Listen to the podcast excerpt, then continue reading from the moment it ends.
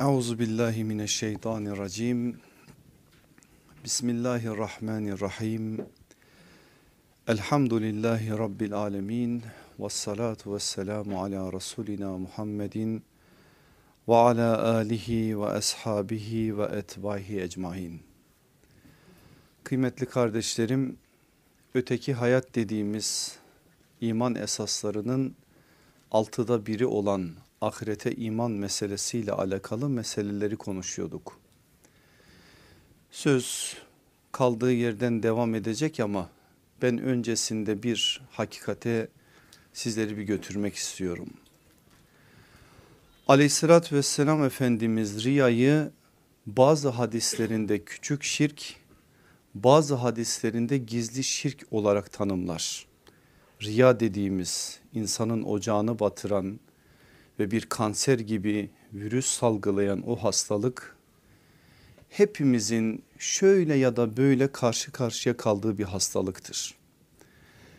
Şu modern zamanlarda sosyal medyanın da bize telkin ettiği ve hayatımıza artık bir yönüyle farklı bir biçimde mesajlar verdiği hatta işgal ettiği böyle bir zeminde riyaya kapılmamak gerçekten mümkün değil şu anda hepimiz beğenilme arzusu dediğimiz ve riyanın ilk kapısı olan o hastalıkla karşı karşıyayız.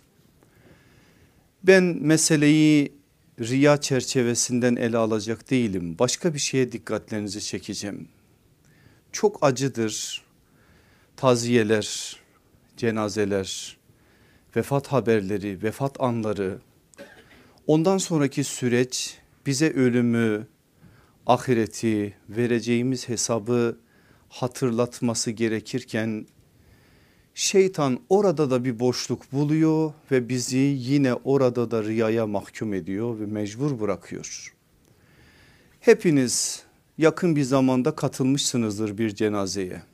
Şöyle son 6 ayda herhalde içimizde katılmayan yoktur. 6 aylık bir süreçten ben size bir örnek vereyim zihinlerinizi bir yoklayın.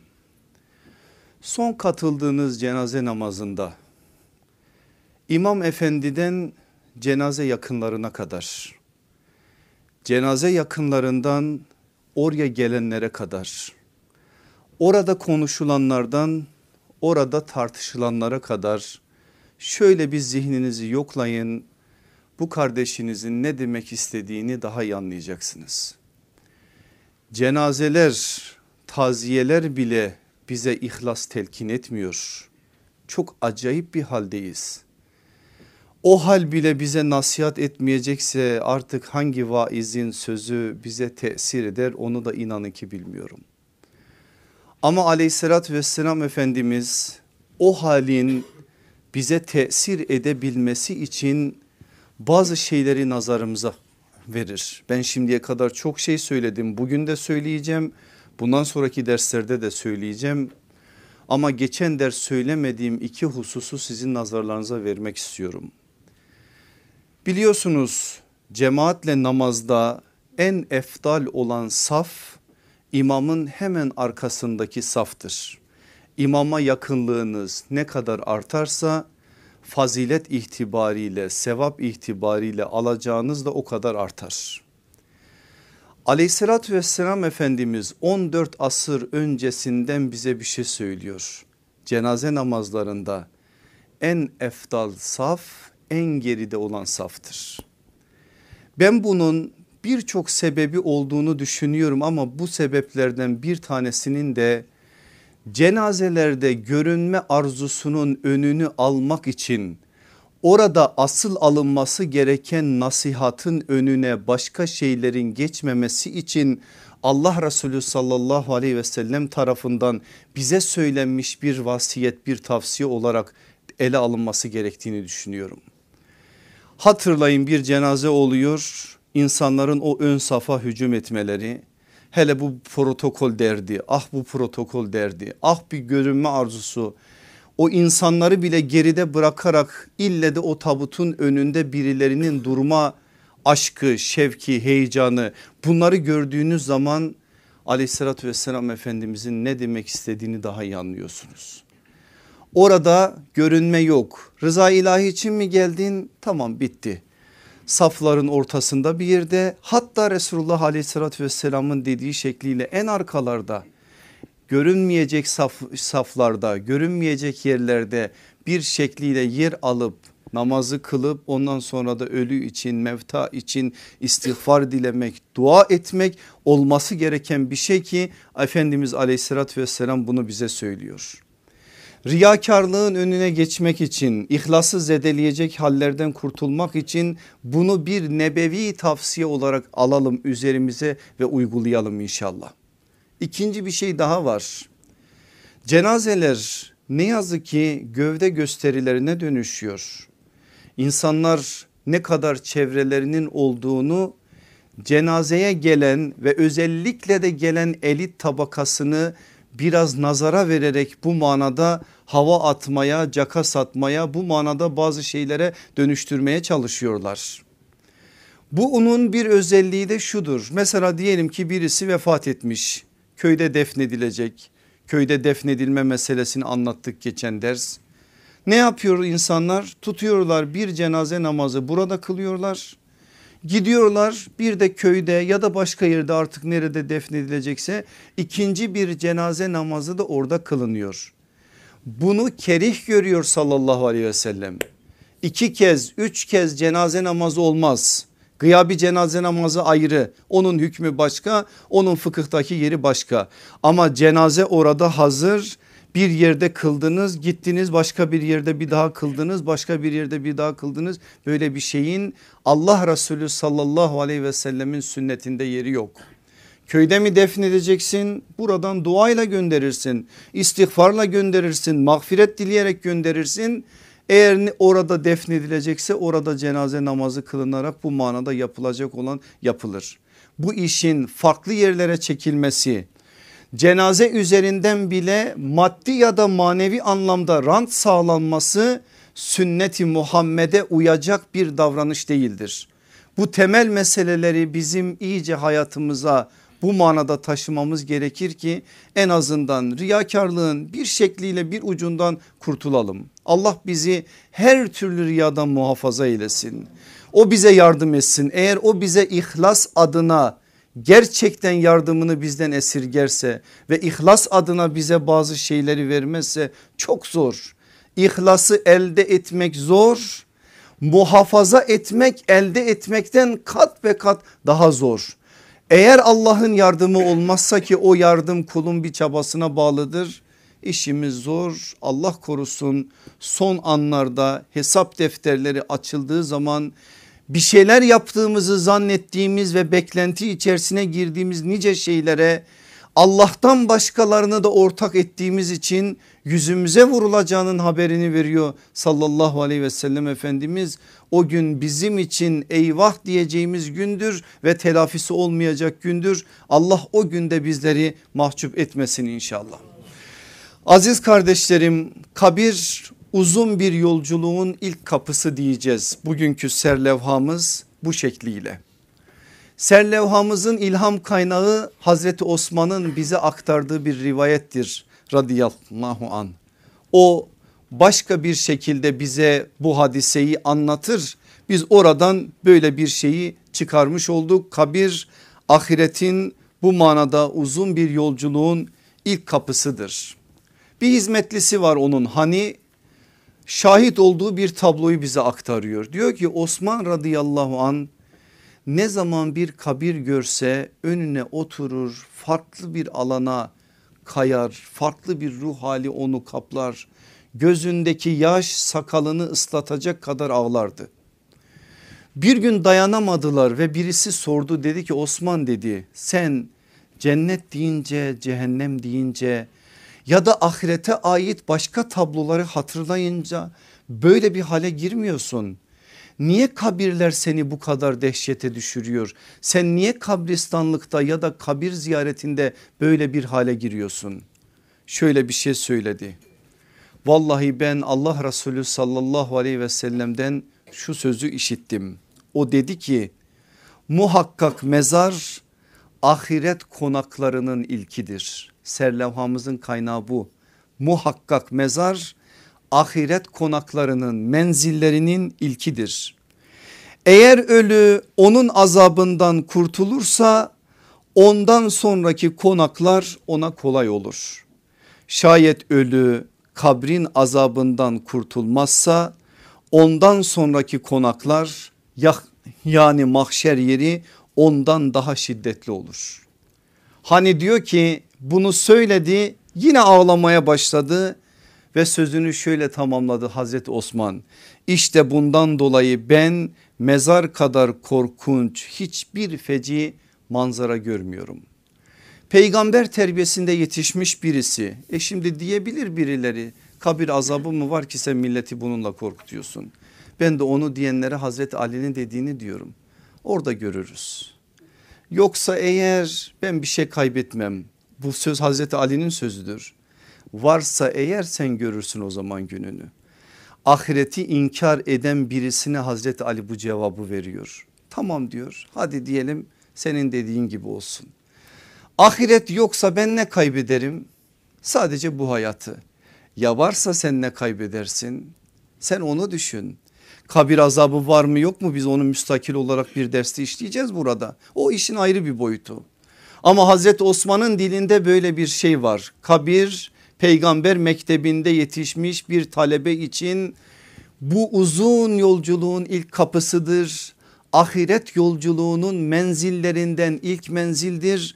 Hesap adına da çetin olma noktasında da en çetin süreçlerden bir süreçtir. Allah bizleri de muhafaza eylesin. Aziz kardeşlerim dersimiz geniş bir ders. Bugün biraz daha işin farklı boyutlarına da eğileceğiz. Özetliye özetliye özetliye bu hale getirdim inşallah yansıtabilirim size. Geçen ders iki başlıktan yedişer madde verdim sizlere hatırlarsanız. Hazreti Peygamber'in cenaze konusundaki uygulamaları Hazreti Peygamber'in cenaze namazı konusundaki uygulamaları iki ana konunun üzerinden yedişer madde ile geçen dersi anlamaya çalıştık. Bugünkü dersimizin de üç tane maddesi var. Üç ana konusu var. Birincisi Hazreti Peygamber'in cenazeyi takibi konusundaki uygulamaları. Hazreti Peygamber'in cenazeyi defin konusundaki uygulamaları. Hazreti Peygamber'in cenazeyi defin ettikten sonraki uygulamaları. Bu üç tane ana konuyu da yine önceki derse uyarak yedişer maddede size anlatmaya anlatabileceğim kadar da özetlemeye çalışacağım inşallah. Siz de bana yardım edin her zaman bu meseleler konuşulmaz. Madem söz geldi bu noktaya dayandı biraz da fıkha ait olan bu konuları peygamber sallallahu aleyhi ve sellemin rehberiyetinde anlamaya çalışalım. Birincisi Hazreti Peygamber'in cenazeyi takibi konusundaki uygulamaları. İlk madde şu bu başlıkta cenaze namazını kıldırdığı zaman sallallahu aleyhi ve sellem Efendimiz bazen cenazenin önünde yürüyerek ama çoğu zaman arkasından yürüyerek kabre kadar cenazeyi takip eder ve özellikle takip edilmesine teşvik ederdi. Ben de onu çok yapıyorum ama sünnete muhalif davrandığımı biler, biliyorum. Şu anda onun da ağırlığını yüreğimde hissediyorum. İş var, güç var, şu bu diyoruz. Çoğu zaman cenaze takibinden geri kalıyoruz. Namazı kılıyoruz orada alelacele taziyemizi verip dönüp geliyoruz. Aleyhissalatü vesselam Efendimiz ise takibini istiyor. Cenazeye sadece katılmak değil cenazeyi kabir alemine kadar yolculuğu konusunda bize yüklediği bir sorumluluk var. Efendimiz bunu beyan ediyor. Cenazeye yürürken önünden mi arkasından mı yürünmesi meselesinde bazı rivayetlerde birkaç tane cenazede önünden yürüdüğü söylenmiştir ama çoğu zaman arkasından yürünmüştür. Çoğu zaman cenazeye yakın ama arka tarafta yürünmesini de tavsiye etmiştir. Hatta Abdurrezzak'ın müsannafında geçen bir hadiste Efendimiz şöyle bir şey söyler. Cenazenin arkasında yürümenin önünde yürümeye olan üstünlüğü farz namazın nafile namaza üstünlüğü gibidir. Özellikle bu da bizim zihnimizde bir yerde dursun. Geçmiş derslerde anlattık mesele oraya geldiği için Müslümanın Müslüman üzerindeki haklarını Allah Resulü sallallahu aleyhi ve sellem sayıyordu bize madde madde nazarlarımıza veriyordu. Hastalık dersini hatırlarsanız orada da bu hadisi verdim. Bir daha hatırlayalım o hadislerden birini. Diyor ki Efendimiz aleyhissalatü vesselam Müslümanın Müslüman üzerinde hakkı beştir. Selamı almak, hastayı ziyaret etmek, cenazelerin arkasından gitmek. Bakın cenaze namazına katılmak değil cenazelerin arkasından gitmek, davet edildiğinde icabet etmek, aksırdığında elhamdülillah deyince yerhamukallah diyerek ona karşılık vermek. Başka hadislerde biraz daha farklı detaylarda var. Buradan da anlıyoruz cenazeyi takip meselesinde Efendimizin söylediğini ve bunu Müslümanın Müslüman üzerindeki bir hak olduğunu beyan ettiğini. İbni Ebi Şeybe'nin müsannafında ve Bukhari'nin El Edebül Müfredinde geçen hadisinde de şunu söylüyor Efendimiz. Hastayı ziyaret ediniz, cenazelerin arkasından gidiniz. Çünkü onlar size ahireti hatırlatır. Neden cenazenin arkasından yürünür? Buradan anlayalım. Dolayısıyla bu bahiste birinci madde bu. İkincisi cenazeyi mümkün olduğu müddetçe binit üzerinde değil yaya olarak takip edilmesini ister buna da Müslümanları teşvik ederdi. Tabi bugün bu ne kadar mümkün o işin ayrı bir boyutu ama ben ona ait bir şey söyleyeceğim. Kabristanlıkları göremeyeceğimiz yerlere çıkardık. Modern hayat bize bunu zorladı. Tabi bunun sadece modern hayatla da alakası yok. Belki biraz temas edeceğiz ama önümüzdeki hafta daha önemli bir konu olarak onu biraz masaya yatıracağız. Kabristanlıkların inşasında kullanılan israf mekanı büyüttüğü için o mekandan dolayı yer kalmadı. Bakın bugün İstanbul'da bile en ciddi problemlerden bir tanesidir. Ama o mermer yığınlarından bir kurtarsak var ya işi aslında her bir mezar için ayırdığımız yere iki mezar sığacak. Dolayısıyla biz koca bir kabristanlıktan ciddi bir biçimde yer edinmiş olacağız. O işin ayrı bir boyutu. Burada söylenen de Allah Resulü sallallahu aleyhi ve sellemin yaya olarak cenazeyi takip edilmesi konusundaki uyarısıdır. Diyelim ki mezarlıklar şehrin dışında. Arabalar bir yere kadar gitse şöyle o manevi havayı teneffüs edeceğimiz kadar ne kadar mesela? En az 40 adım. Biraz daha fazla olursa biraz daha fazla bir miktar cenaze omuzlarda insanlar arkada defnedilecek o yere kadar yaya olarak yürünse bu Allah Resulü aleyhissalatü vesselamın şiddetle bizden istediği bir şeydir. Şiddetle diyorum onun dayanağını söyleyeceğim. Diyor ki Sevban İbni Bücüdüt radıyallahu an bir cenazeye katılmıştık. Baktık ki bir miktarı cenazeyi binitli deve üstünde at üstünde takip ediyor. Allah Resulü sallallahu aleyhi ve sellem bu hali görünce çok kadaplandı. Döndü o cemaate dedi ki haya etmiyor musunuz? Allah'ın melekleri yaya olarak giderken siz hayvanların sırtında gidiyorsunuz ve bu halden hiç mi utanmıyorsunuz? Sallallahu aleyhi ve sellem Efendimiz bunu bir sahabinin cenazesinde sahabi olan muhataplara söylüyor benim aziz kardeşlerim. Eğer adam salih bir adamsa eğer adam mümin bir adamsa İnşallah o cenazeye melekler de iştirak ediyor. Meleklerin iştirak ettiği o cenazeye aleyhissalatü vesselam Efendimiz bizim de yaya olarak katılmamızı tavsiye ediyor. Nasıl olması gerektiği konusunda da bir şey söyledim uyarı çok nettir. Üçüncüsü güneş doğarken batarken ve tam tepede iken cenaze namazını kılmaz. Bu vakitlerin geçmesini bekler Ondan sonra namazı kılar ve öylece defnederdi. Maddenin açıklamasına girmeden bu maddeyle de alakalı bundan sonra da söyleyeceğim birkaç maddeyle alakalı bir not vereyim size. Sadece kendimizden ibaret saymayalım. Sadece bu meseleyi şu anda burada İstanbul'da bulunan insanlar olarak da sınırlı tutmayayım, tutmayalım. Olur ki başka yerlere şahit oluruz Gidersiniz Arap ülkelerinden birinde şahit olursunuz. Farklı şeylerde bir yönüyle Allah sizi denk getirir onlara şahit olursunuz. O bilgileri bilmemizde fayda var. Yoksa bizdeki gelenek bellidir zaten. Özellikle gündüz namazlarının arkasından cenaze defnedilir. Yani ya öğle namazı ya ikindi namazı kılındıktan sonra defnedilir. Ona ait şeyleri de söylemiştim. Ukbe İbni Amir diyor ki aleyhissalatü vesselam Efendimiz güneş doğarken tam ortada zeval vaktinde yani ve batarken ölüyü defnetmeyi bize nehyetti. Hadis alimleri bu hadisi açıklarken önemli bir bilgiyi bize veriyorlar. Nehyedilen defin değildir. Nehyedilen cenaze namazıdır. Eğer bu üç vakitten birinde değil de başka vakitlerde cenaze namazı kılınmışsa bu üç vakitte cenaze defnedilebilir. Özellikle nehi burada namaz içindir diyerek bir kayıt düşerler ve onu da dayanaklandırırlar. Onu da bilmemizde fayda var. Dördüncüsü cenazeyi vakarla taşır, taşıtır. Gerekmedikçe konuşulmamasını ister. Dikkat buyurun. Yüksek sesle Kur'an okumaz cenaze taşınırken.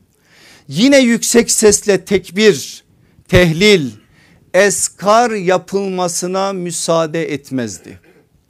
Allah Resulü aleyhissalatü vesselam cenazenin kim olursa olsun Sad bin Muaz'dan daha büyük bir cenaze var mı dünyada bilmiyorum. En azından siz ona kıyas edin. Onun cenazesinde bile diyelim ki yüreğimizi yakan birinin cenazesine denk geldik. Biz sevdiğimiz kardeşimiz Allah yolunda mücadele eden Allah yolunda cihad eden bir kardeşimiz şehit oldu. Ya da farklı bir biçimde Allah yolunda hayatını vakfeden bir insanın cenazesine şahit olduk. Burada bile asıl olan sükunettir. Asla Allah Resulü sallallahu aleyhi ve sellem teşrik tekbirlerin, salavatların, başka şeylerin bile söylenmesine müsaade etmez. Hoş görmezdi. Yapılıyor o ayrı bir mesele ama sünneti Muhammed bunu söylüyor bize. Peki sünneti Muhammed bunu söylüyor söylemediğini de anlıyorsunuz değil mi? Siz diğerini artık anlayın çalgı çalanı alkışlayanı, ıslık çalanı onlar da var. Ne yazık ki bu memlekette bunlara da şahit oluyoruz. Onlar işin ayrı bir boyutu ve onlar tamamen bidat. Hiçbir şekliyle onun bir karşılığı yok. Ama bu manada tekbirlerin bile tehlillerin bile söylenmesi konusunda bir uyarı var. Yapılacak iş şudur cenazenin arkasına takılacaksınız ibret alacaksınız ölü için içinizden sessizce istiğfar getireceksiniz. Mağfiret dualarında bulunacaksınız. O ebedi istirgahına gidene kadar da o sükunet halini muhafaza edeceksiniz. Hiçbir şekilde o sükunet halini bozmayacaksınız. Burada söylenen o. Beşincisi cenazenin üstü ve yanları açık bir tabutta taşınmasına müsaade eder. Vefat eden eğer hanım ise vücut hatlarının belli olmayacak şekilde taşınmasını öğütlerdi. Muhakkak hacda umrede şahit olmuşsunuzdur. Sedyeye benzer yanı üstü açık şeylerde taşınır genelde orada vefat edenler. Budur sünnette bu bunun yeri var.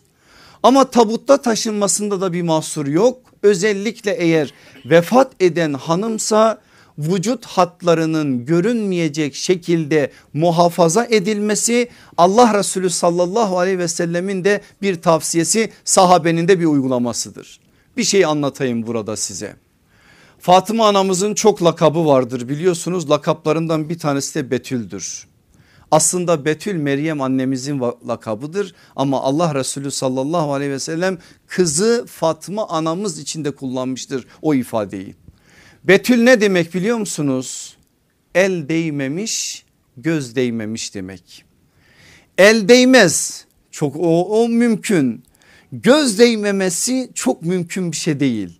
Ama betül olabilmek için bu iki özelliği de kendi bünyesinde bir kadının Müslüman bir hanımın eğer betül olmaya adaysa o Müslüman hanım o Müslüman hanımın dünyasında hayatında olması gerekir.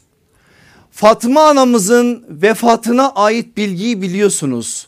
Aleyhissalatü vesselam Efendimiz son anlarında kızı Fatma gelip yanı başına oturduğu zaman eğildi kulağına bir şey söyledi. Fatma annemiz başladı ağlamaya bir daha eğildi kulağına bir şey söyledi ikinci söylediğiyle gülmeye başladı. Ayşe annemiz meraklıdır o merakına kurban olduğumuz merak olmasa birçok şey öğrenemeyeceğiz zaten. Düşüyor arkasına Fatma annemizin şunu söyle ne dedi ne dedi en sonunda alıyor sırrı. Diyor ki babam dedi ki ehli beytimden ben gidiyorum şu andaki hastalığım son yolculuğum dedi ve ben ağlamaya başladım. Sonra bir daha eğildi kulağıma dedi ki ehli beytimden bana ilk kavuşacak olan sensin. Bana bu müjdeyi verdiği için güldüm diyor. Bunu biliyor Fatma validemiz. Bildiği için de babasının vefatından sonra aynen babası gibi Refiki Ala'ya gözlerini dikmiştir. O anlarda Esma binti Ümeys'le bir konuşmasını kaydeder kaynaklarımız bize. Der ki Esma anamıza o da büyük bir sahabidir. Esma olmanın hakkını gereğini yerine getirmiş çok önemli bir isimdir. Önce Cafer bin Ebi Talip'le sonra Hazreti Ebu Bekir'le sonra Hazreti Ali ile dünyasını birleştirmiştir. Bu üç tane büyük kametten bize neler neler rivayet etmiştir. Esma anamız bambaşka bir kametin sahibidir. O başka bir faslın konusu olsun.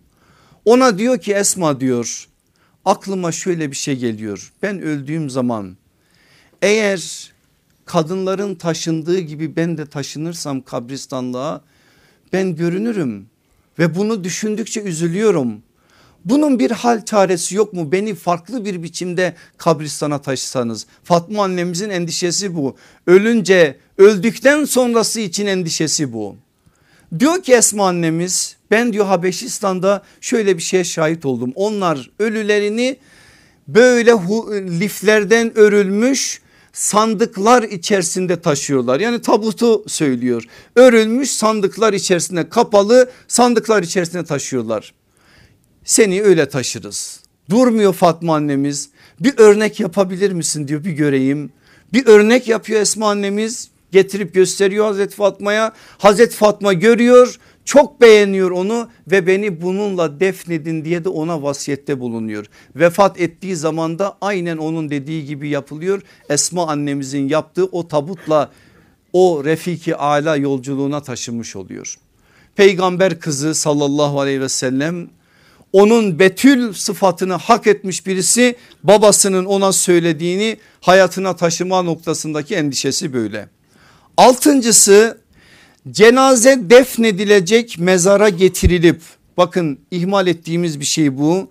Cenaze defnedilecek mezara getirilip omuzlardan indirilinceye kadar oturmayı uygun görmez ayakta beklenmesini isterdi. Sünnet bu ve sahabenin korumaya çalıştığı bir sünnet. Omuzlardan indirilmeye kadar oturmayı uygun görmez ayakta beklenilmesini isterdi. Keysan isimli tabiinden bir zat bizi naklediyor. Mervan bin Hakem'le Ebu Hureyre diyor bir cenazeye katılmışlardı. Bir ara Ebu Hureyre Mervan'ın elini tuttu ve oturdular beraberce. Onların oturduklarını gören Ebu Said el-Hudri çok sinirlendi. Gadaplanmış bir biçimde ikisinin karşısına geldi. Ve dedi ki Mervan'a kalk ayağa Mervan o günün devlet başkanıdır ama sahabi konuşuyor konuşunca böyle konuşuyor. Kalk ayağa yemin olsun ki şu adam Ebu Hureyre'ye sinirlendiği için öyle söylüyor. Şu adam peygamberin bizleri cenaze omuzlardan yere indirilmedikçe oturmadan nehyettiğini kati olarak bilmektedir. Allah Resulü bizi bundan nehyetti. Bu sözü duyduğu zaman Ebu Hureyre radıyallahu anh diyecek ki Vallahi Ebu Said doğru söylüyor. Ben unutmuştum. Vallahi dediği doğrudur diyor. Hemen ikisi de beraberce ayağa kalkıyor. Dolayısıyla aleyhissalatü vesselam efendimizin söylediği bir sözü bir uygulamayı koruma konusundaki sahabenin bu hassasiyeti bizlere de hassasiyet olsun. Bu faslın yedinci maddesi bir zaruret hali yoksa ölüyü tabutla defnetmeyi uygun görmezdi. Madde burada bitiyor ama ben bir cümle daha ekledim. Ancak bazı özel durumlarda tabutla da defin yapılmasına alimlerimiz cevaz vermiştir. Hiçbir mazeret yok. Tabutla defnedilmek mekruhtur. Bunu kerih görmüşlerdir sallallahu aleyhi ve sellemin bu uyarısına rağmen. Ama olur ki zaruret olabilir. Dedim ya sadece bu hal bizimle sınırlı değil. Mesela diyelim ki Avrupa'da bazı yerlerde tabutla gömülme zorunluluğu var. Eğer bir Müslüman orada gömülmekle karşı karşıya kalırsa buna bir cevazın olduğunu unutmamalıdır. Ancak eğer tabutla gömülecekse tabutun yine içi açılmalı. Yine yüzü yanakları toprakla temas edecek şekilde onun içerisine toprak konulmalı. Öyleye öylece tabutla gömülmelidir. Rastladınız mı rastlamadınız mı bilmiyorum. Mesela bazen bazı yerlerde hava şartları da farklı olduğu zaman mezar durmuyor. Kazıyorlar olmuyor su çıkıyor başka engeller oluyor bunlar olmuştur. Böyle durumlarda da tabutla gömülmesine cevaz vermişlerdir alimlerimiz. Ama özellikle İslam diyarında olmayan ama oralarda vefat eden insanların bu bilgiyi bilmeleri önemli olduğu için özellikle bu bilgiyi burada anma ihtiyacı hissettim. Birinci fasıldaki yedi maddemiz böyle. Gelin ikinci fasla Hazreti Peygamber'in cenazeyi defin konusundaki uygulamaları. Burada da yedi maddeyle yürüyeceğiz. Birincisi mezarın geniş, düzgün, lahit şeklinde kazılmasını ister, kabri derinleştirir, mevtanın başının ve ayaklarının konacağı yeri biraz daha genişletirdi. Fıkıh kitaplarımızda nasıl kazılacağına dair çok ciddi detaylar var. Ne kadar olmalı kabrin boyu ve genişliği bu da bizim fıkıh kitaplarımızda var ama uygun olan önerilen tavsiye edilen bir insan boyu kadar derin yarım boy kadar da enli olmasıdır. Ama diyelim ki biraz alçak oldu göğüs hizasında oldu bir mahsuru yok. Asıl olması gereken bu bunun nihai anlamdaki ölçüsü bu buradan biraz daha aşağıya da olabilir. Özellikle Uhud gazvesi sırasında şehit olanların defni adına sallallahu aleyhi ve sellemin söylediği bugün fıkıh kitaplarımızda da bize delil niteliğinde bir ayrıcalık daha doğrusu bir kaynaklık teşkil ediyor. Hişam İbni Amr diyor ki aleyhissalatü vesselam Efendimiz Uhud günü bize dedi ki kabirleri geniş tutunuz derin açınız ve güzel yapınız. Eğer ölülerinize kabirler yetmezse iki kişi üç kişi bir kabre defnediniz. Kur'an'ı daha çok bilenleri ise öne koyunuz. Hişam bin Amir diyor ki babam Kur'an'ı çok iyi bildiği için o da bunu hak etti ve o da öne konuldu. Zaruret olursa bir mezara iki üç kişi gömülebilir mi? Gömülebilir. Zaten bir müddet geçtikten sonra birinin üzerine gömülebilir mi? O da gömülebilir. Biz genelde bu topraklarda pek bunu uygulamıyoruz ama başka yerlerde bu var. O gün Mekke'de iki şekilde kabir kazılıyor. Bir şak tarzında kazılan var bir de lahat tarzında kazılan var. Lahat bizim kazdıklarımıza benziyor ama şak biraz mezarın göğüs hizasından göbek hizasından derinlemesine kazılmasıdır. Mekkeliler muhacirler genelde şak şeklinde kazarlar. Medineliler ise laht şeklinde kazarlar. Allah Resulü sallallahu aleyhi ve sellem de demiş ki mezarlarınızı laht şeklinde kazınız şak yapmayınız. Çünkü lahat bizim içindir şak ise başkaları içindir. Bu sözü söylemiş ama Allah Resulü aleyhissalatü vesselamın vefatıyla defin işleriyle uğraşan Hazreti Ali bu sözden habersiz.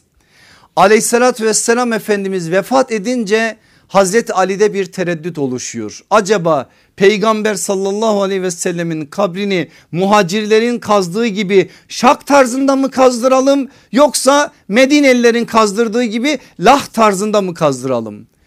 Böyle bir tereddütü içinden geçirirken Hazreti Ali şunu yapıyor. İki tane adam çağırıyor. Bu işi en iyi yapan iki isim şak tarzındaki kabirleri en iyi kazan Ebu Ubeyde İbni Cerrah'tır aşere-i mübeşşereden diyor ki sen git onu çağır bir diğer adamı da sen de git Ebu Talha'yı çağır hangisi erken gelirse ben ona kazdıracağım diyor. erken gelen Ebu Talha oluyor. Ebu Talha'nın kazdırılması şekliyle kazdırılıyor. Yani lahat şeklinde daha sonra Hazreti Ali de bu hadisi duyunca seviniyor. Allah Resulü sallallahu aleyhi ve sellemin muradına uygun bir biçimde yapıldığı için. Maddede geçti dikkat ettiyseniz ona bir daha dönelim. Düzgün olsun eğrilik olmasın. Çünkü Müslümanın her işi düzgündür kabir de öyle olmalıdır. Buna ait de sallallahu aleyhi ve sellemin özel bir uyarısı var. Bakın bu uyarı kabirler için yapılmıştır ama biraz sonra okuyacağım size özellikle son cümleyi ah bir Müslümanlar olarak anlayabilsek. Çünkü Müslümanlar olarak terk ettiğimiz bir şeyi sallallahu aleyhi ve sellem bizim dünyamıza adeta çakacak çaksın zihinlerimize inşallah çakılsın bu nebevi buyruk çünkü buna çok ihtiyacımız var. Oğlu İbrahim'in vefatını anlattım size. Cenazesinde aleyhissalatü vesselamın yüreğindeki fırtınaları biliyorsunuz. Bir daha tekrar etmeye gerek yok. Efendimiz geldi Baki kabristanlığına baktı ki mezar kazılmış ama mezarda biraz eğrilik var. Mezarı kazan sahabi efendimize dedi ki niye bunu eğri kazdın düz kaz dedi ve düzeltmesi için ona bu manada emirde, emirde bulundu. Dedi ki o mezarı kazan sahabe efendimiz ya Resulallah dedi şu ufacık eğriliğin meftaya ne zararı olabilir ki? Allah Resulü aleyhissalatü vesselam dedi ki evet o eğriliğin ölüye fayda da vermez zarar da ancak dirinin gözüne rahatsızlık verir ve onu rahatsız eder. Bakın sallallahu aleyhi ve sellem ne diyor? Diriler bakanlar o eğrilikten dolayı rahatsız olurlar. Asıl son cümlesi o dedim ya çakılsın zihinlerimize. Bakın ne diyor aleyhissalatü vesselam. Allah kul kulu bir iş yapınca onu en güzel bir şekilde yapmasını ister. Sünnet mi dediniz? Bırakın tabakların altını sıyırmayı onu herkes yapıyor. Siz nebevi medresenin talebelerisiniz. Allah aşkına şunu ne olur hayatımızda diriltelim. Ne yapıyorsan hangi iş yapıyorsan işin hakkını ver. İşin hakkını vermek sünnettir ve kul böyle bir şekliyle Allah'a kendini arz etmelidir. Allah da kulun böyle bir halinden hoşlanmaktadır. Bunu sevmektedir. Halimizi konuşmaya gerek var mı? Ne yapıyorsak yarım yamalak. Yarım yamalak yarım yamalak iş yapmayı seviyor bizim insanımız hepimiz öyleyiz. Hocalığımız yarım yamalak, talebeliğimiz yarım yamalak, mühendisliğimiz yarım yamalak, doktorluğumuz yarım yamalak, her şeyimiz yarım yamalak. Bir de bir hastalığımız var bizim kimse kendi işinden razı değil. Bir bakarsın adam mühendis hocalığa göz dikmiş. Adam hoca ticarete göz dikmiş. Adam kimyager başka bir şeyle uğraşıyor. Kimse kendi işinden memnun değil. Herkesin gözü başka yerde. Elindeki nimetin de farkında olmadığı için şükrünü eda edemediği için bakın Müslümanların içinde bir şey yetişmiyor. Biz 14 asır boyunca hiç bu kadar aciz bir duruma düşmedik. Belki bunu bir öz eleştiri olarak burada yapmamız lazım. İslam her zaman için insanlığın umut kaynağıydı yavaş yavaş bu umut kaynağı olma özelliğini İslam'dan dolayı değil biz aciz Müslümanlardan dolayı insanlık kaybediyor. Çünkü bugün yaklaşık iki asırdır biz insanlığa bir şey söyleyemiyoruz. Bu yarım yamalak işlerimizden dolayı bir şey sunamıyoruz insanlığa. İnsanlıkta örnek görmek istiyor. Önünde Müslümanların başka bir biçimde temsiliyet hakkının yerine getirilmesi adına ortaya bir şeyler koymasını istiyor. Bunu bizden isteyen bu aziz dinimize inanın en büyük vefasızlığı biz yapıyoruz.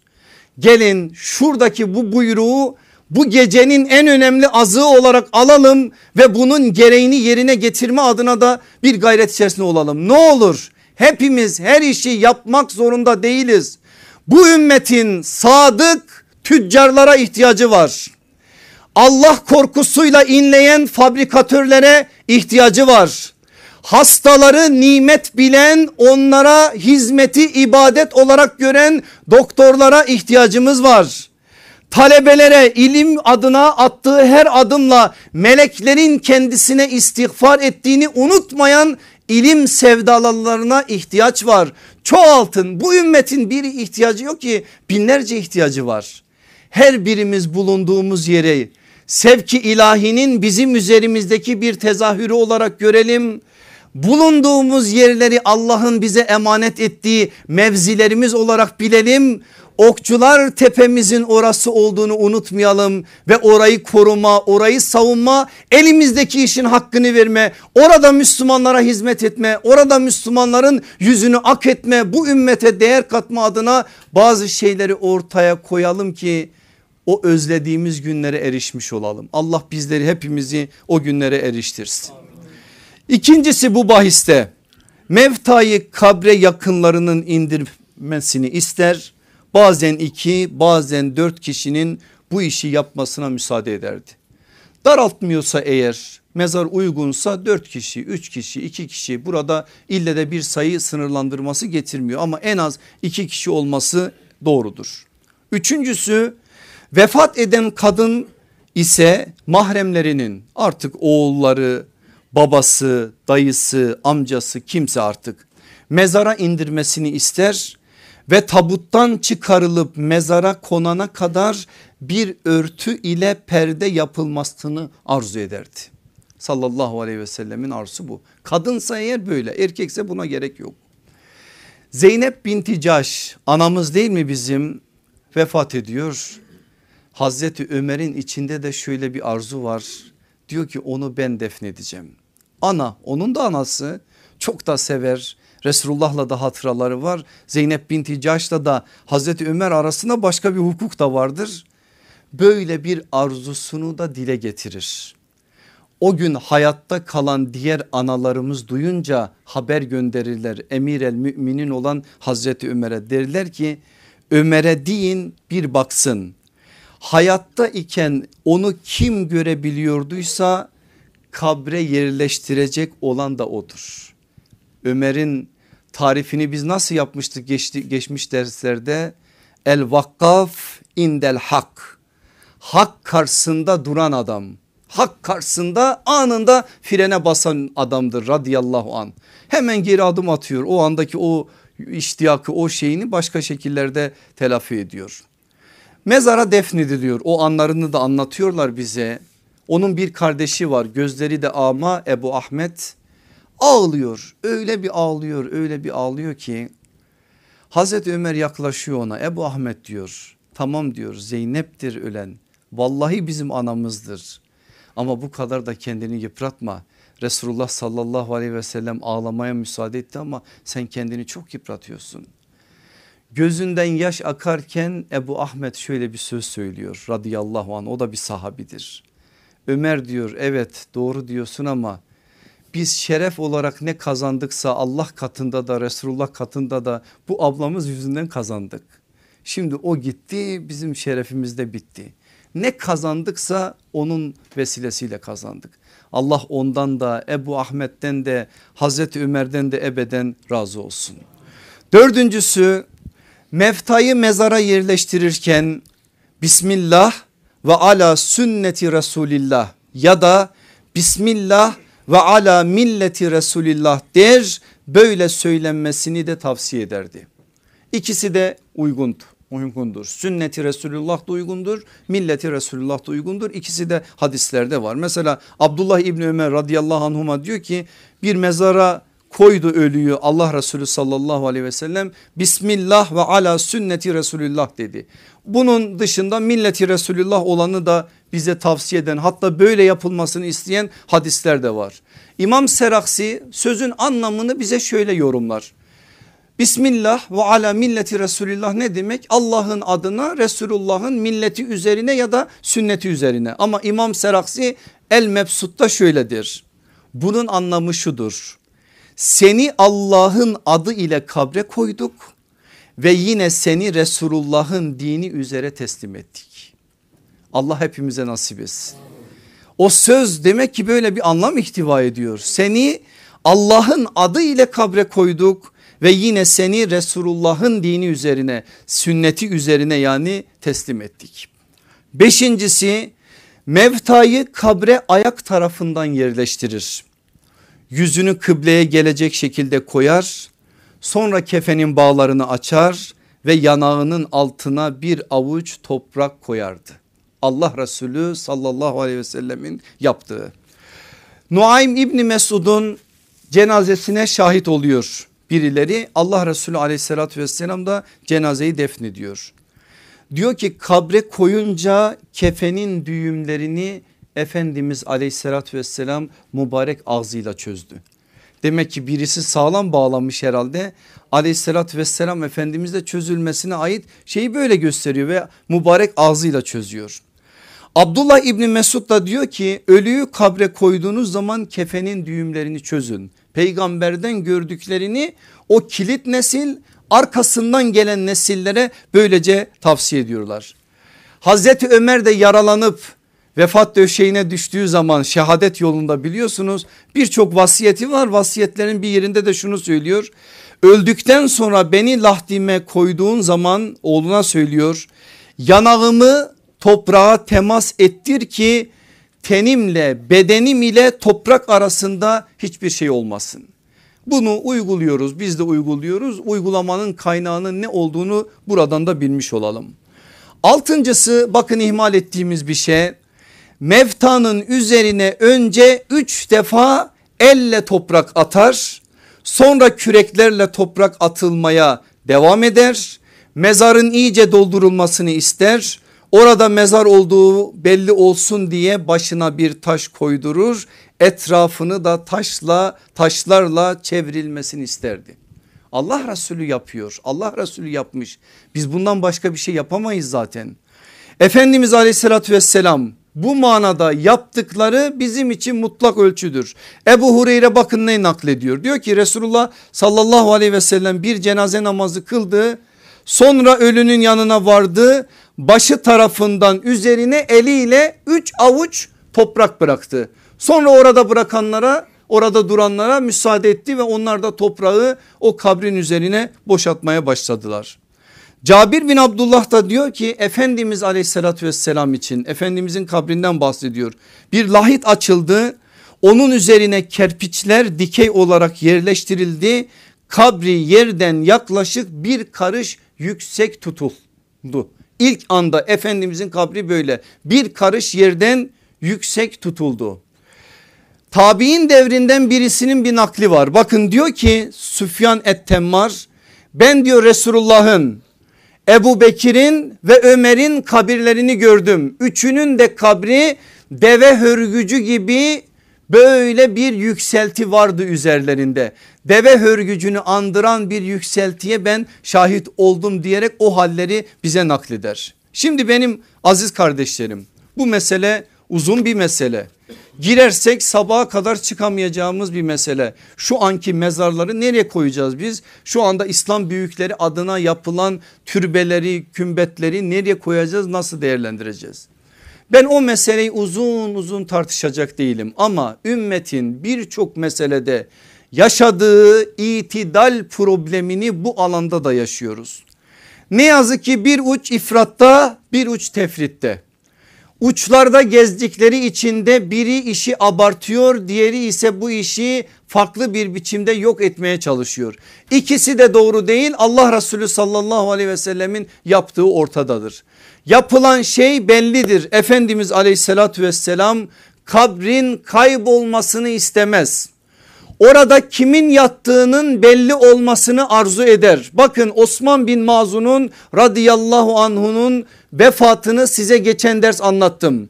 Allah Resulü çok üzülmüştü biliyorsunuz. Adeta gözyaşlarıyla onu yıkamıştı. Onu getirdi. Baki kabristanlığına muhacir olarak defnedilecek ilk sahabidir. Mezar kazıldı toprak üzerine atıldı. Aleyhissalatü vesselam Efendimiz yanında duran sahabe Efendimiz de dedi ki git bana büyük bir taş getir kardeşimin mezarının yeri kaybolmasın. Sahabi gitti bir taş buldu ama taşıyamıyor. Taş biraz büyükçe bir taş. Allah Resulü aleyhissalatü vesselam şöyle kollarını çevirdi gitti o taşı aldı taşıdı kendisi getirdi Osman bin Mazun'un mezarının başına dikti ve orada dedi ki bundan sonra benim yakınlarımdan kim vefat ederse kardeşimin yanına defnedeceğim. Osman'ın yanında kim var biliyor musunuz şu anda? Allah Resulü aleyhissalatü vesselamın oğlu İbrahim var. İbrahim vefat edince Efendimiz aleyhissalatü vesselam bu sözüne binaen getirdi Osman bin Mazun'un önüne koydu. E şimdi gidiyorsunuz mesela Baki kabristanlığına ya da Mekke'deki Cennetül Mualla'ya ikisinde de sahabiler var biliyorsunuz. İçler acısı. Kim nerede belli değil zaten bırakmıyorlar yürü burada bir şey yok bidat haram bir sürü söz o maneviyatı el, almanıza engel olabilecek her türlü şeyi yapıyorlar. Ama bir tarafta da şu var zincirlere vuran kendilerini İslam beldelerinin başka yerlerinde 200 metre kalmış mezara atıp yere kendini sürüne sürüne gidenleri bu da var bu yok değil. Dolayısıyla bizim ümmet olarak bu uçlardan kurtulmamız lazım. Biz eğer vasat ümmetsek vasat ümmet olmamızın en temel vasfı sünneti Muhammed ile kaim olmamızdır. Allah Resulü aleyhissalatü vesselam ne dediyse bu manada bizim yapmamız gereken alimlerimizin rehberliğinde onların iştahatlarının çerçevesinde buna göre amel etmektir. Bunu tam olarak anladığımız zaman anlarız. Bilmiyorum siz aynı ruhu yaşıyor musunuz ruh halini? Ben bayılıyorum köy mezarlarına.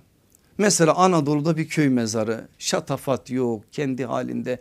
O sünnetteki maneviyatı köy mezarlarında insan hissediyor. Ama buralarda hissedemiyorsunuz. Buralarda iş başka şeylere döndüğü için o ruhu hissedemiyoruz. Aslında ne kadar sadelik o kadar nasihattır. Sadelik nasihat verir insana şatafat değil. Onun için İslam'da asıl olan sadeliktir her şeyde.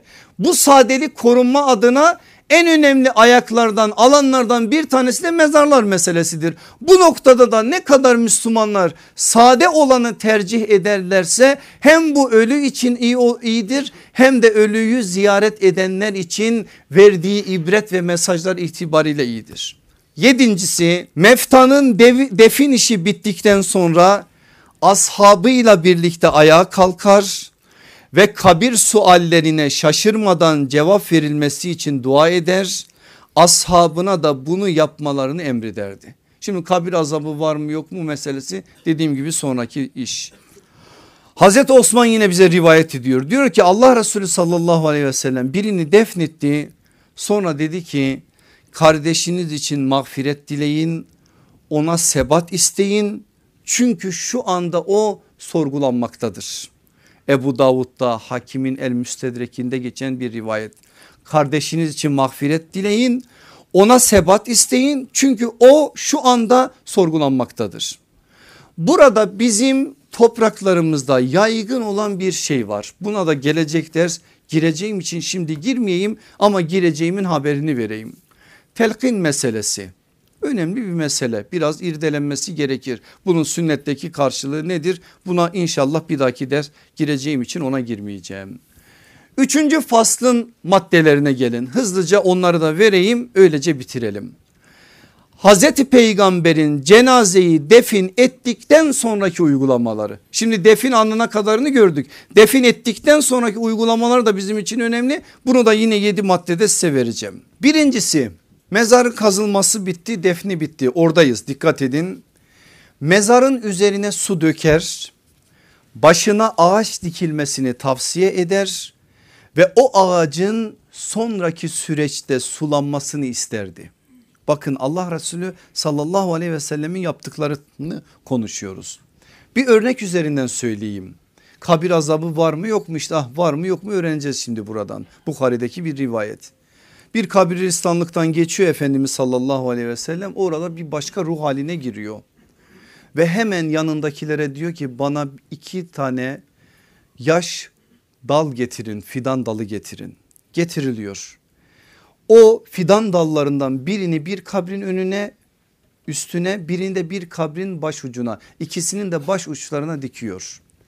Sonra diyor ki sallallahu aleyhi ve sellem Efendimiz burada yatan iki tane kardeşiniz şu anda azap görmektedir.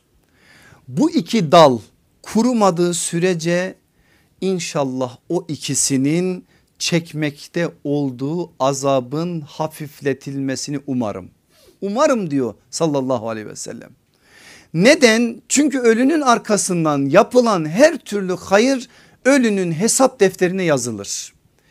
Burada da yapılan nedir? Ağaçtır, Ağaçta sevaptır sevap kazandırır insana bir insan yaparsa bundan sevap kazanmaz mı? Mesela Efendimiz diyor ki her kim boş kuru ve çorak bir yeri ihya edecek olursa bu amelinden dolayı Allah tarafından mükafatlandırılır. İnsan ve hayvan ondan faydalandıkça orayı ihya edene de sadaka olarak yazılır. Aslında ağaç sadakadır. Aleyhissalatü vesselam Efendimiz de bunu istiyor. Suyun dökülmesi ise hem oradaki canlıların bir yönüyle rızıklanması hem de mezarın iyice sıkışması, iyice kavileşmesine vesile olması içindir. Allah Resulü aleyhissalatü vesselam bunu yapmış yapılmasını da tavsiye etmiştir. İkincisi mevtanın hayırla yad edilmesini ister, onun hakkında istiğfar edilmesini tavsiye eder iyi temenni ve dualara icabet edileceğinin müjdesini verirdi. Ayşe anamız diyor ki Efendimiz sallallahu aleyhi ve sellem birinin arkasından bir cenazenin arkasından özellikle biz kadınlara şunu dedi. Bir arkadaşınız öldüğü zaman artık onu bırakın. Gıybetini edip ayıplarını ortaya saçmayın. Öldü gitti. Ya hayır konuş ya da sus. Yok öyleydi yok şöyleydi bir müminin arkasından bu sözler Allah Resulü'nün hoşnut olacağı sözler değil. Abdullah İbni Ömer de diyor ki peygamber sallallahu aleyhi ve sellem dedi ki ölülerinizin iyiliklerini güzelliklerini anın ve kötülüklerini sarfı nazar edin. Kötülüklerini anmayın iyiliklerini anın. Bizde bir söz var güzel bir sözdür. İşte kör ölünce badem gözlü olur ceylan gözlü olur vallahi öyle olsun. Kör öldü badem gözlü olsun sen hep iyiliğini anlat. İyiliğini anlatmaktır sünnete bağlı olarak kalabilmek. Bakın aleyhissalatü vesselam Efendimiz nasıl bir önemli bir şey bize söylüyor. Enes bin Malik radıyallahu anhu diyor. Önümüzden bir cenaze geçti geçerken de birkaç kişi dediler ki ne iyi adamdı ne güzel insandı ne iyi mümindi Allah Resulü sallallahu aleyhi ve sellem de onun arkasından dedi ki vacip oldu. Bir müddet sonra bir cenaze daha geçti. İnsanlar dediler ki kötü bir adamdı, facir bir adamdı, şöyleydi böyleydi. Allah Resulü sallallahu aleyhi ve sellem onun için de dedi vacip oldu. Sahabe meraklı hemen sordu ya Resulallah ona da vacip oldu ona da vacip oldu dediniz. Niye? Efendimiz aleyhissalatü vesselam da dedi ki siz biraz önce birinin iyiliklerini andınız bu sebeple Allah sizin o iyilikleri anışınızı ona cenneti vererek vacip kıldı. Kesinleştirdi yani. Bu berikini de kötülük, kötülükleriyle andınız onun da cehenneme girmesi kesinleşti. Şu cümleye dikkat edin okuduğum hadis Bukhari hadisidir. Çünkü siz müminler yeryüzünde Allah'ın şahitlerisiniz. Neymişiz biz? Yeryüzünde Allah'ın şahitleriymişiz. Tabi burada bizim dememizle olmaz hüküm ama burada bizim dememizin de dememizin o hükme etki edeceğine dair bir şey vardır. Yani insanın ameli güzel olur hayatı güzel olur zaten insanlar hayırla yad eder. Ama burada Allah Resulü sallallahu aleyhi ve sellemin uyarısı özel olarak ölmüşlerin arkasından işin hayırla yad edilmesidir. Bakın bu konuda üçüncü maddeye gelin başka bir şey söyleyeceğim ölen kafir, münafık veya facir de olsa dikkat buyurun bu Müslümanlar olarak ihlal ediyoruz bunları. Ölen kafir, münafık veya facir de olsa eğer yakınları ve sevenleri içerisinde Müslümanlar varsa kötü şehadetten sakınılmasını öğüt, öğütlerdi. Böyle bir peygamberimiz var kurban olduğumuz yoluna da sünnetine de. Ebu Cehil neydi? Ümmetin firavunuydu. Ebu Cehil'den daha kötü daha bu manada farklı noktada duran kafir var mıydı? Ama o gitti Bedir'de öldürüldü gitti. Yıllar sonra Bedri Medine Mekke fethinin arkasından İkrime İbni Ebi Cehil Müslüman olmak için Resulullah'ın huzuruna yürüme adına harekete geçtiğinde Allah Resulü yanındaki sahabilere şunu söyledi. Bakın dedi gelen İkrime'dir büyük ihtimalle gelip Müslüman olacak. Bundan sonra onun yanında babası hakkında kötü söz yok. Ebu Cehil hakkında bile Allah Resulü kötü söz söylenmesini istemiyor. Varın siz artık diğerlerini düşünün. Şimdi biz küfretmeyi mücahitlik sayıyoruz. Ne kadar iyi küfür edersek o kadar iyi mücahitiz. Vallahi böyle bir şey yok billahi böyle bir şey yok. Müslümanın ağzına küfür yakışmaz. Müslüman bazen celadetli olacağı yerler vardır ama o celadetli olduğu yerlerde de vakarına asla halal getirecek ve karını zedeleyecek bir hale girmez. Bir başka örnek vereyim size. Halit İbni Said'i çok iyi tanıyorsunuz tanımanız lazım. İlk muhacirlerden ilk sahabilerden çok önemli bir isimdir ki Resulullah aleyhissalatü vesselam onun hakkında neler neler söylemiştir. Babası Ebu Uhayha İslam düşmanı birisiydi. Öyle işkence ederdi ki oğlu Halit İbni Said'e Halit İbni Said dayanamaz bazen şöyle derdi Allah'ım ya buna hidayet ver ya da bunun canını al beni kurtar. Babası için bunu söylüyor. Ve babası küfür üzere öldü. Taif'ten dönerlerken Hazreti Ebu Bekir de bunu bildiği için o kabrin kime ait olduğuna dair yanındaki insanlara döndü ki döndü dedi ki burada çok kötü bir adamın kabri var. Zoruna gitti Halid İbni Said'in dedi ki niye benim babam kötü olsun senin baban da aynıydı dedi babasının kim olduğunu biliyorsunuz. Allah Resulü sallallahu aleyhi ve sellem bunu duyunca dedi ki ölülerinize sövmeyiniz böyle yaparsanız dirileri gazaplandırmış olursunuz. Şimdi bir insan babasıyla kavga eder babasıyla bir şeyler yaşar tutar babasına bir şeyler söyler ama başka biri söylediği zaman hazmedemez bu çok normal bir şeydir. Halid İbni Said de bunu yaşıyor. Allah Resulü aleyhissalatü vesselam da yaşanmış bu sözün üzerinden bunu söylüyor. Diyor ki ölülere sövmeyiniz böyle yaparsanız dirileri gazaplandırmış olursunuz. Dördüncüsü mevtanın arkasından hayır işlerinin arttırılmasını tavsiye eder. Yakınlarını ölen insana sevabını bağışlayacakları güzel adımlar atmalarına teşvikte bulunurdu. Bakın Allah Resulü sallallahu aleyhi ve sellem bunu da söylüyor. Yine bizim topraklarımızda uygulanan bir şey var iskat ve de, e, devir diye onları onu da bir dahaki derse bırakacağım. Çünkü bunlar biraz müstakil olarak ele alınmalı. Ölünün üzerine Kur'an okunur mu? Kabirde Kur'an okunur mu? Bunlar hepsi önümüzdeki haftaki dersin konusudur.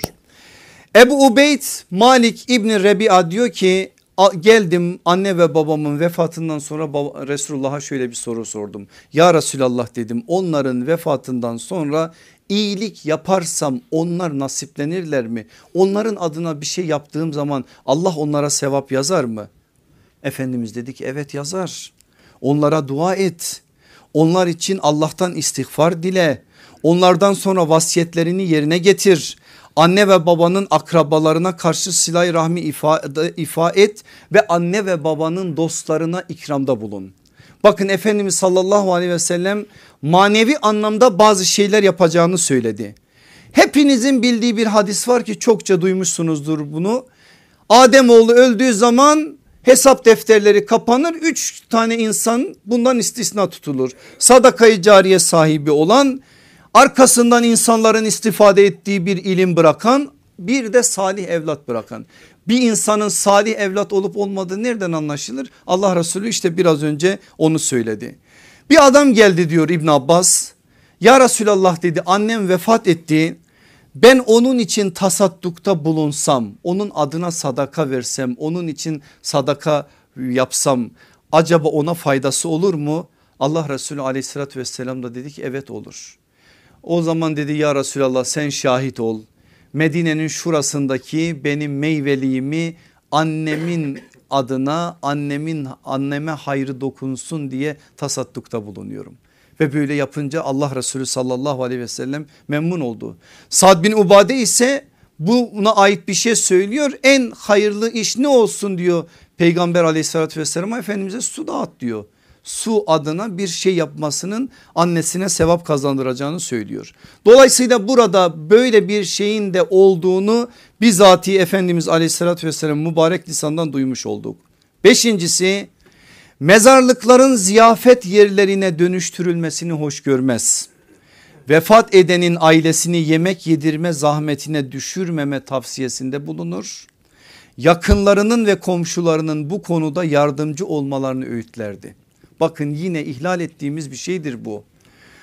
Taziyede yemek verme meselesi olur mu? Olur. Ancak buradaki özel olarak uyarı bizatihi mezarlıkta bu işin yapılmaması konusundadır. Allah Resulü aleyhissalatü vesselam kabirde sığır, deve, koyun kesmek İslam'da yoktur der. Orada yapıp da işi bir ziyafet meydanına çevirmenin bir alemi yok. Ancak taziyede de biz işi abartıyoruz. Orada da iş gövde gösterisine giriyor. Orada da iş başkalarına hava atmaya giriyor. Kim daha iyi et dağıtacak kim daha iyi bilmem ne dağıtacak o meselede bir yarışa giriyor. Bunlara gerek yok. Allah Resulü aleyhissalatü vesselam cenaze sahiplerinin bununla uğraşmasını istemiyor. Onun için Cafer bin Ebi Talip vefat edince yani Mute'de şehit olunca onun ailesine yemek gönderilmesini tavsiye ediyor. Ama o yemek gelenin gidenin yemesi için değil ölü sahiplerinin o cenazenin sahiplerinin yemesi içindir. Ancak şimdi şartlar biraz değişti. İnsanlar uzaklardan geliyor. Akrabalar geniş bir de eğer aşiretse biliyorsunuz doğuda güneydoğuda bu biraz daha fazladır. Maşallah bir e, taziyeler olur onlarda ordu zaten gelir işte aşiret şu bu zaruret haline girer ama bu konuda yine de belli şeyleri koruma konusunda söylenmiş bir şey var buna dikkat etmemiz gerekir. Altıncısı vefat edenin arkasından hayatı mateme çevirmeyi uygun görmez. Üç günden fazla taziyelerin uzatılmasına müsaade etmez. Sadece hanımın eşi için bu süreyi uzatabileceğini söylerdi. Aleyhissalatü vesselam Efendimiz bunu söylüyor. Bakın burada var olan bir yaygın kanaatin yaygın uygulamanın bidat olduğunu öğrenmemiz lazım. Yok sünnette yeri yok. Yedisidir, kırkıdır, 52'sidir böyle bir şeyin sünnette yeri yok. Allah Resulü aleyhissalatü vesselam 3 gün diyor sadece hanıma ayrı bir özellik veriyor. Ne yapıyor insanlar? Bakıyorsun yedisi gitti arkasından 40'ı geldi arkasından 52'si gitti. Helvalar dağıtıldı şunlar yapıldı bunlar yapıldı. Yetmedi ilk bayramı bir de öyle ifadelendiriliyor. Kara bayram diye ifade ediliyor. İnsanlar bayramda sevinci duymaları gerekecekleri yerde bayramı bir taziye dönüştürüyorlar. Yetmedi vefat yıl dönümlerinde iki de bir o acı tazeleniyor. Böyle şeyler yok sünnette. Biz hayatı mateme yasa çevirme gibi bir durumumuz yok olmamalı da. Sadece burada yapılan şey hanıma istisnadır. Bir maddeyi unutmuşum. Burayı almamışım. Bir madde kaçmış bilgisayardan o kalsın bir dahaki derse. Şimdi burada bir şey söyleyeyim sözümü de bitireyim. Ümmü Habibe anamız anamızdır değil mi bizim analarımızdan bir anadır. Kimin kızı? Ebu Sufyan'ın kızı. Ebu Sufyan da sahabidir radıyallahu an. Babasının vefat haberini alıyor. Vefat haberini aldıktan sonra üç gün normal bir yası var Ümmü Habibe anamızın. Üç gün bittikten sonra bakın Bukhari'nin Kitabul Cenaizinden bunu naklediyorum size. Üç gün bittikten sonra dedi ki bana zahferanlı bir koku getirin dedi. Koku geldi Şöyle iki yanağına sürdü anamız sonra da kollarına sürdü kokuyu. Döndü yanındaki kadınlara şunu söyledi. Vallahi ben süslenmeyi seven bir kadın değilim. Burada da süslenmek için bunu yapmış bir kadın değilim. Ana ana böyle bir ana Allah onlardan ebeden razı olsun. Ama ben Resulullah sallallahu aleyhi ve sellemin şöyle dediğini işittim. O dedi ki Allah'a ve ahiret gününe iman eden bir kadının eşinden başka bir ölü üzerine üç günden fazla yas tutması helal olmaz. Lakin kadın eşinin ölümü üzerine dört ay on gün yas tutar. Sünnete ittiba konusunda yüzlerce örnek verebiliriz de inanın ki beni bu çok etkiledi bugün. O kadar etkilendim ki bakın babasının vefatının arkasından sırf Allah Resulü sallallahu aleyhi ve sellemin yaptığı bu uyarıya düşmemek için onun uyardığı bir konuma düşmemek için böyle bir şey yapıyor. Kadınlara duyurulur babası öldüğü için bir yıl eve hüznü taşıyan Annesi öldüğü için bir yıl çocukların bile yüzüne bakmayan kadınlara duyurulur. Sallallahu aleyhi ve sellem Efendimiz buradaki uyarısı böyle bir uyarıdır. Anaların anası olan Ümmü Habibe anamızın uygulaması da böyledir. Sünnete ittiba adamı nasıl adam eder buna ait de bize güzel bir örnektir. Allah hepimizi kadınımızla erkeğimizle yaşlımızla gencimizle hepimizi sünneti Muhammedi gözü gibi koruyanlardan eylesin. O ne demişse orada durmayı bizlere nasip eylesin. Onun attığı adımın önüne adım attırmasın. Onun söylediği söz üzerine bize söz söyletmesin. Onun konuştuğu yerde susmayı onun bize gösterdiği yere doğru da yürümeyi Allah hepimize nasip eylesin. En son günde bizi onun o güzel sancağının altında toplasın. Cennette de bizi ona onu da bize komşu eylesin. Velhamdülillahi Rabbil Alemin. El Fatiha.